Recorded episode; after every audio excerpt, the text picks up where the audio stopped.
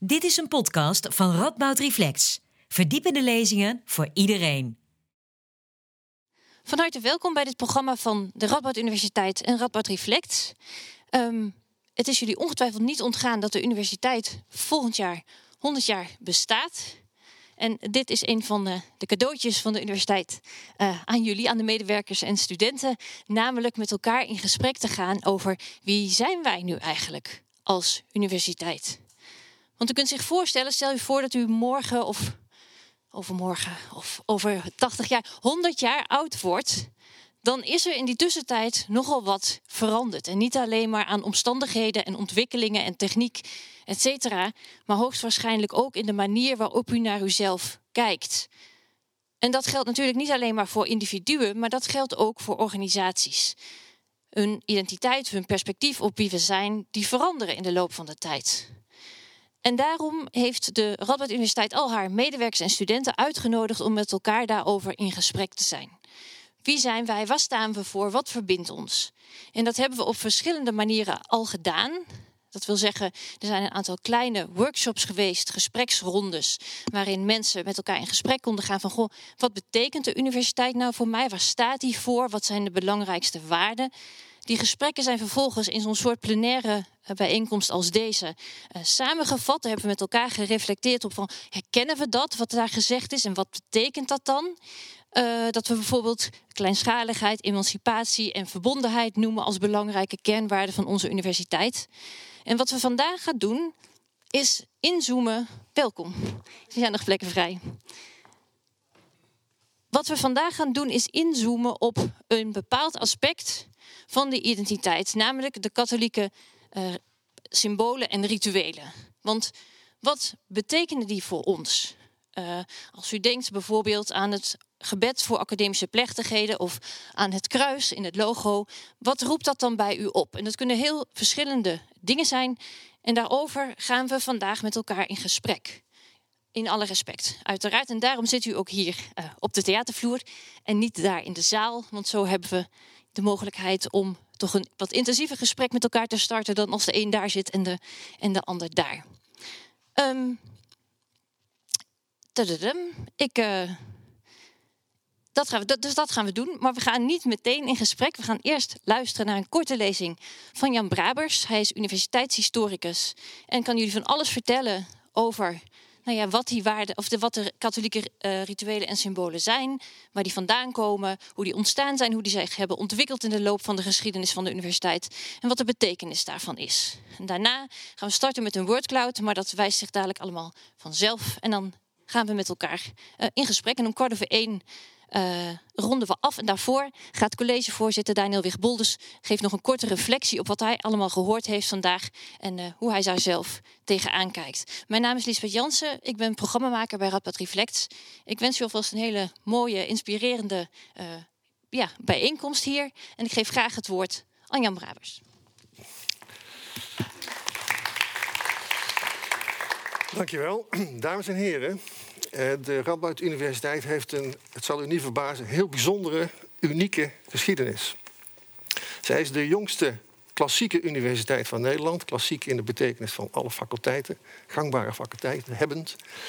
En zij, heeft, uh, zij bestaat binnenkort 100 jaar en zij heeft als geen andere uh, universiteit een bijzondere geschiedenis doorgemaakt in die 100 jaar. Het is een geschiedenis van stichting, groei, gelukkig geen teleurgang, nog niet. Uh, maar wel van ontzettend veel ontwikkelingen op allerlei gebieden. Um, die universiteit is een product uh, van de katholieke emancipatie. De drang van katholieken om zich als volwaardige Nederlanders te laten meetellen. Katholieken waren sinds de Reformatie immers tweedrangsburgers van wie het geloof amper werd gedoogd. In de tweede helft van de 19e eeuw en in de eerste helft van de 20e eeuw kwamen die katholieken uh, naar voren, traden naar voren, richtten allerlei eigen organisaties op, waarvan de Katholieke Universiteit er één was en niet de minst belangrijke. De functie van die universiteit lag in het zijn van een instrument om die emancipatie te bevorderen en te versnellen. Er waren bij die stichting en in de eerste jaren grofweg vier groepen mensen betrokken. In de eerste plaats de bisschoppen van Nederland. Zij uh, onder hun hoede uh, kwam die universiteit tot stand. En formeel ook in hun opdracht. Hè, een opdracht van de Sint Stichting, waarin die bisschoppen zaten.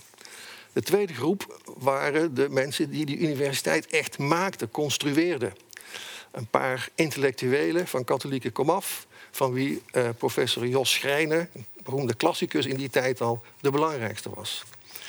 De derde groep, dat waren de eerste generatie hoogleraren en de eerste generatie studenten die die universiteit vormgaven. En de vierde groep, dat was het katholieke volk zelf, dat die universiteit met dubbeltjes en kwartjes uit hun eigen portemonnee betaalde.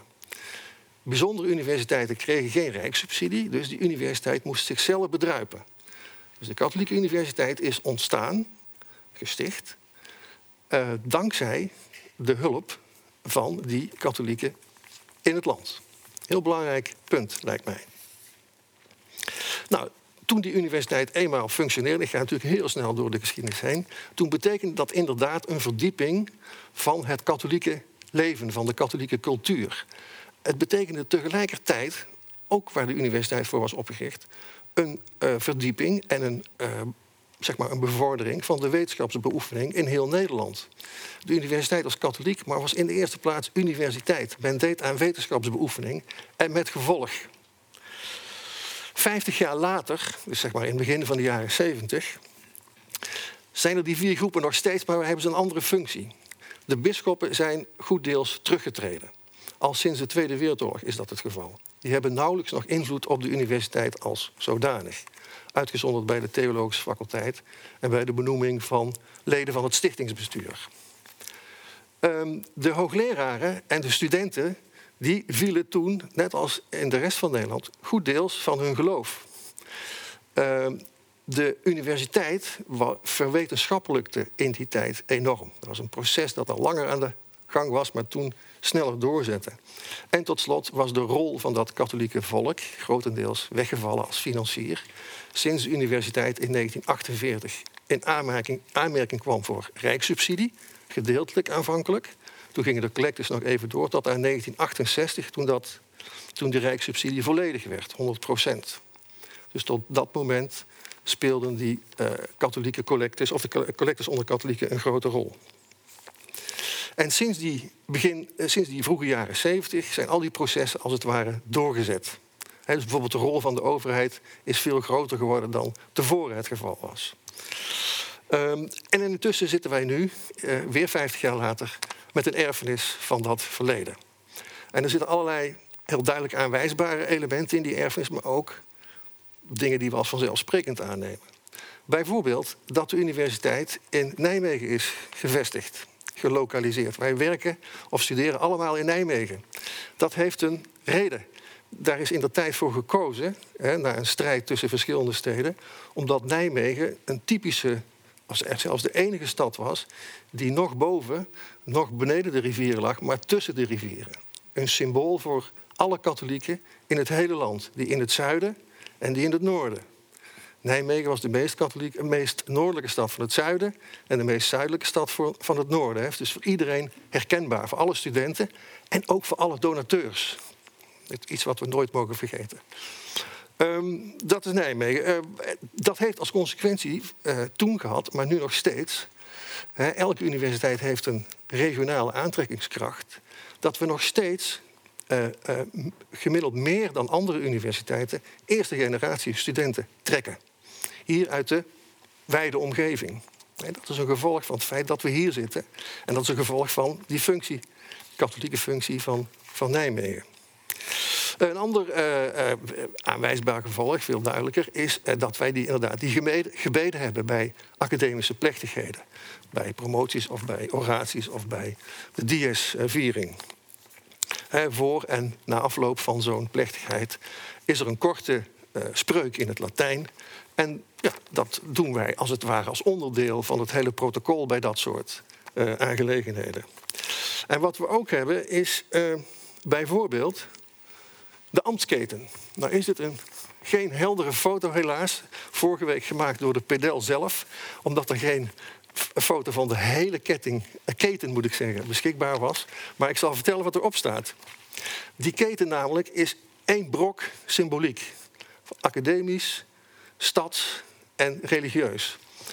De keten boven, dus de hanger zelf, daarin staan de, de letters en die vormen samen het woord, of de drie woorden, Alma Mater Carolina. De voedende moeder, hè, Alma Mater. En Carolina verwijst naar de eerste naam die Jos Schrijnen, ik heb zijn naam genoemd, aan de universiteit wilde geven. Keizer Karel Universiteit. En met keizer Karel bedoelt Karel de Grote. En Karel de Grote was een vorst, zoals jullie allemaal op de basisschool hebben geleerd. Uit de vroege middeleeuwen, die vaak in Nijmegen kwam en bijvoorbeeld een pals liet bouwen op het Valkhof. En door de universiteit naar Karel de Grote te noemen, wilde Schrijnen een band met de stad tot uitdrukking brengen. En ook voorkomen dat die universiteit, door, door hem de naam Katholieke Universiteit te geven, een, te veel een, een afgesloten uh, uh, bolwerk zou lijken. De bisschoppen hebben dat verhinderd. Die hebben gezegd: nee, het moet per se Rooms-Katholieke Universiteit worden en niet Keizer Karel Universiteit. Maar toch is dat alma mater Carolina in die keten gekomen. dus een, een, stukje eigen wijsheid, uh, op zijn zacht gezegd, zit daarin. Uh, tussen de schakels van die letters zitten uh, onder andere, je kunt het niet goed zien helaas, vier medaillons. die staan voor Thomas van Aquino, de grote patroon van de Katholieke Universiteit. Petrus Canisius, de Nijmeegse Jezuïet. Willy Brocht, de de missionaris van het noorden van Nederland en Servatius, de missionaris van het zuiden van Nederland. Dus al die, die Nederlandse symboliek zit er ook in. Verder zijn er intussen van alle faculteiten uh, emblemata opgenomen. Uh, de eerste drie, het klavertje drie van de theologie, staande voor de goddelijke drie-eenheid. de pen en het boek van de faculteit letteren. De weegschaal van de faculteit rechtsgeleerdheid. Een esculaap in 51 van de faculteit geneeskunde. Een driehoek met het teken van koolstof, het scheikundige teken van koolstof voor de wis- en natuurkunde in 57. Ehm, de uh, man van Vitruvius, van Leonardo da Vinci, voor de sociale wetenschappen. En uh, voor de managementwetenschappen staat er een wereldbol op met iemand die door een uh, vergrootglas daarnaar kijkt. En dat staat voor de internationale samenwerking, die daarin wordt bestudeerd, onder andere. Dat is de keten alleen. Hieronder, die twee daar, die, links zie je de Nederlandse leeuw. Is een Nederlandse universiteit. En rechts zie je het wapen van Nijmegen, de dubbelkoppige adelaar. Daaronder zie je het, uh, het kruis op een rood vlak. En dat is de Nederlandse kerkprovincie. Dat zijn de bisschoppen. Onder wier hoede de universiteit had opgericht. Komt twee keer voor. Dat is een beetje overdaad wat mij betreft, maar twee keer. Hier zie je de de uh, duif en die staat voor de Heilige Geest. En die straalt zeven stralen uit. En die staan voor de zeven gaven. Als jullie willen weten wat dat zijn, dat zijn vijf gaven die voor iedereen belangrijk zijn: verstand, raad, wetenschap, vriendschap, weet ik. En er zijn er ook twee, de vrezen des herens, des herens en nog eentje die wat religieus zijn uh, getoond, zal ik maar zeggen. Uh, hieronder nog een keer dat, uh, dat wapen. En hierboven zie je opnieuw de, een verwijzing naar Karel de Grote. Dit is namelijk de keizerskroon van Karel de Grote, zoals die in Wenen bewaard wordt. En van, waarvan toen werd gedacht dat dat de kroon moet zijn geweest van Karel de Grote. Later is ontdekt dat die kroon uit de 11e eeuw dateert. Dus dat klopt niet helemaal, maar toch is dat een verwijzing ook naar Karel de Grote. Er ontbreekt nog één ding aan. En dat is, het, uh, dat is de, de wapenspreuk van de universiteit. In Dei nomine feliciter, in Gods naam voorspoed. Ook dat is een verwijzing naar Karel de Grote. Want Schrijner had in een boek over Karel de Grote gevonden dat Karel zijn diplomata, zijn wetten, ondertekende met in Dei nomine feliciter, gevolgd door de datum. Dat had hij zelf niet bedacht, maar dat had hij weer van Willy Brocht. Dus die wapenspreuk van de universiteit is een verwijzing naar Karel de Grote die weer verwijst naar Willibrord. Dus opnieuw is dat ook een verwijzing naar de koppigheid en de onafhankelijkheid en de drang om ongehoorzaam te zijn van schrijnen. Ons aller voorbeeld, zou ik willen zeggen, aan de universiteit. Nou bestaat, uh, dat is een van de, hè, dus je hebt de stad, je hebt die gebeden en uh, uh, even kijken. Oh ja, wat men, wat men deed, de universiteit, alle universiteiten hebben een eigen wapen. En alle universiteiten hebben een eigen wapenspreuk. En toen Nijmegen ontstond, uh, kopieerde men een heleboel van oudere universiteiten. Hè, om zichzelf een, soort authenticiteit te geven en die ouderdom van het begrip universiteit te benadrukken. Dat doen alle universiteiten overigens. Um, even kijken hoor, waar ben ik? Ja.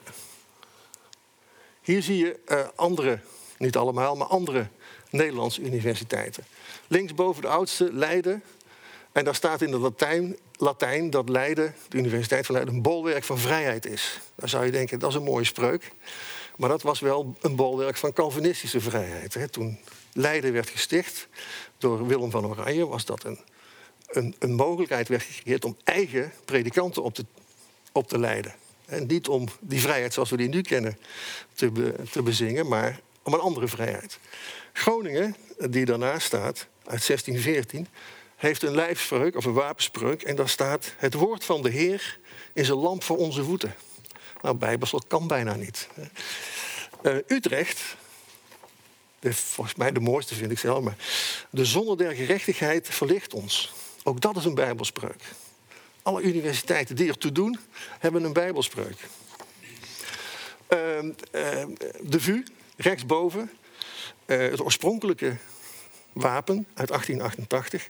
Onze hulp is in de naam der heren. Maar dat hoeft bij de VU niet te verbazen, uiteraard. Je ziet wat de VU sindsdien heeft gedaan. Dit is een logo dat nu bestaat uit de jaren 1980. Toen men een reclamebureau aan het werk heeft gezet. En die is met die griffioen uh, tevoorschijn gekomen. Terwijl niemand wist, en nog steeds niet, waar, het, waar het eigenlijk op slaat. Dus daarboven zie je, en hier bij ons, zie je als het ware bij ons, zie je de fantasie.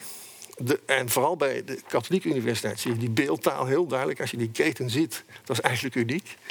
En daar zie je, als je een reclamebureau aan het werk laat, of hier bij de UvA, uh, ja, het is een kwestie van smaak uiteraard, maar zelf vind ik stiekem deze toch wel het mooist.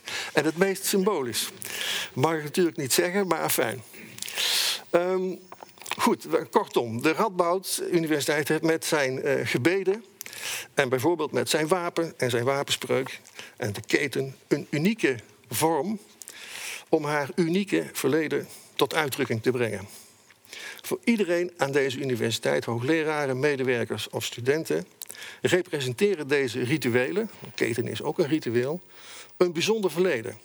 Een wereld, een sfeer waaraan de universiteit haar bestaan te danken heeft. Het is niet zomaar een ritueel, het is echt de bestaansgrond. En een wezenlijk onderdeel van onze identiteit. En ik denk ook dat, uh, als historisch mag natuurlijk geen mening hebben hierover, maar ik denk wel dat ons bescheidenheid past als wij over dit soort dingen nadenken. Wij zijn passanten in de geschiedenis. Wie geeft ons het recht, tijdelijke bezoekers van de universiteit, om te morrelen aan of zelfs een streep te zetten door dit soort unieke uh, uh, tekenen van die universiteitsgeschiedenis? Ik wil daarbij één uitzondering maken, maar loopt misschien vooruit op de discussie.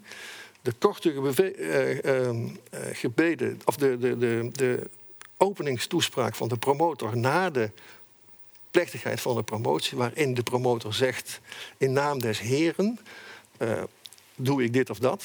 Dat is misschien al te dwingend en te zeer een ingreep in de persoonlijke overtuiging van iemand. Ik zou zeggen, zoiets moet je facultatief maken, maar al die andere rituelen, dat gebed, dat Latijnse gebed, is denk ik een, het zijn hele mooie momenten om aan te kondigen dat iets begint en dat iets eindigt. En je kunt erin zien wat je wil. Je dwingt daarmee niks af. dus je, het, het, is een vorm van vrijheid om er iets mee te doen of niet. En daar wilde ik het bij laten.